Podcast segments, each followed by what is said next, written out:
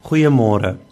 Mag u oë dan oop wees vir die smeking van u knegg en vir die smeking van u volk Israel om na hulle te luister so dikwels as hulle u aanroep.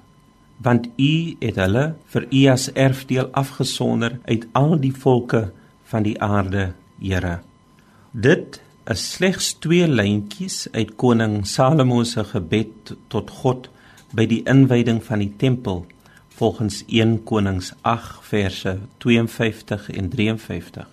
Maar dit steek eintlik die pragt van die volle gebed weg wat u dalk in u eie tyd in hoofstuk 8 in die eerste boek van Konings kan gaan nalees.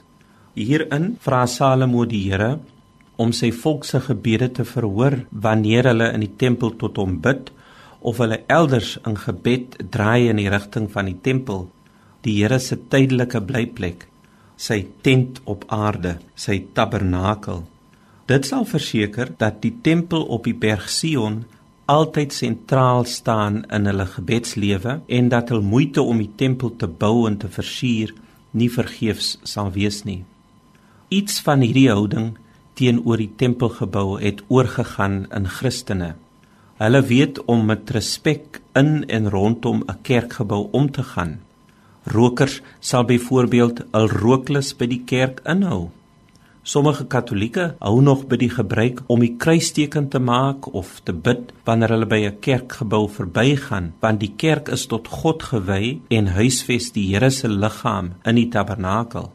Jesus versterk hierdie houding wanneer hy sê dat hy self die tempel is waarin gelowiges hulle na God wend.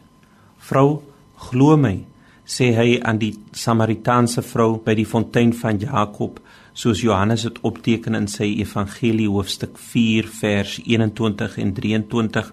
Hy sê daar kom 'n uur wanneer julle nie op hierdie berg in Samaria en ook nie in Jerusalem op die berg Sion die Vader sal aanbid nie, maar op my liggaam wat vir julle oorgelewer sal word en my bloed wat vir julle uitgestort sal word.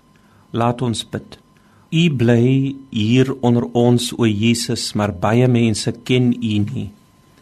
U woon in ons midde, in die wêreld slaan geen ag daarop nie. U nooi ons uit en baie weier om te kom. Here, ontferm U oor ons. Amen.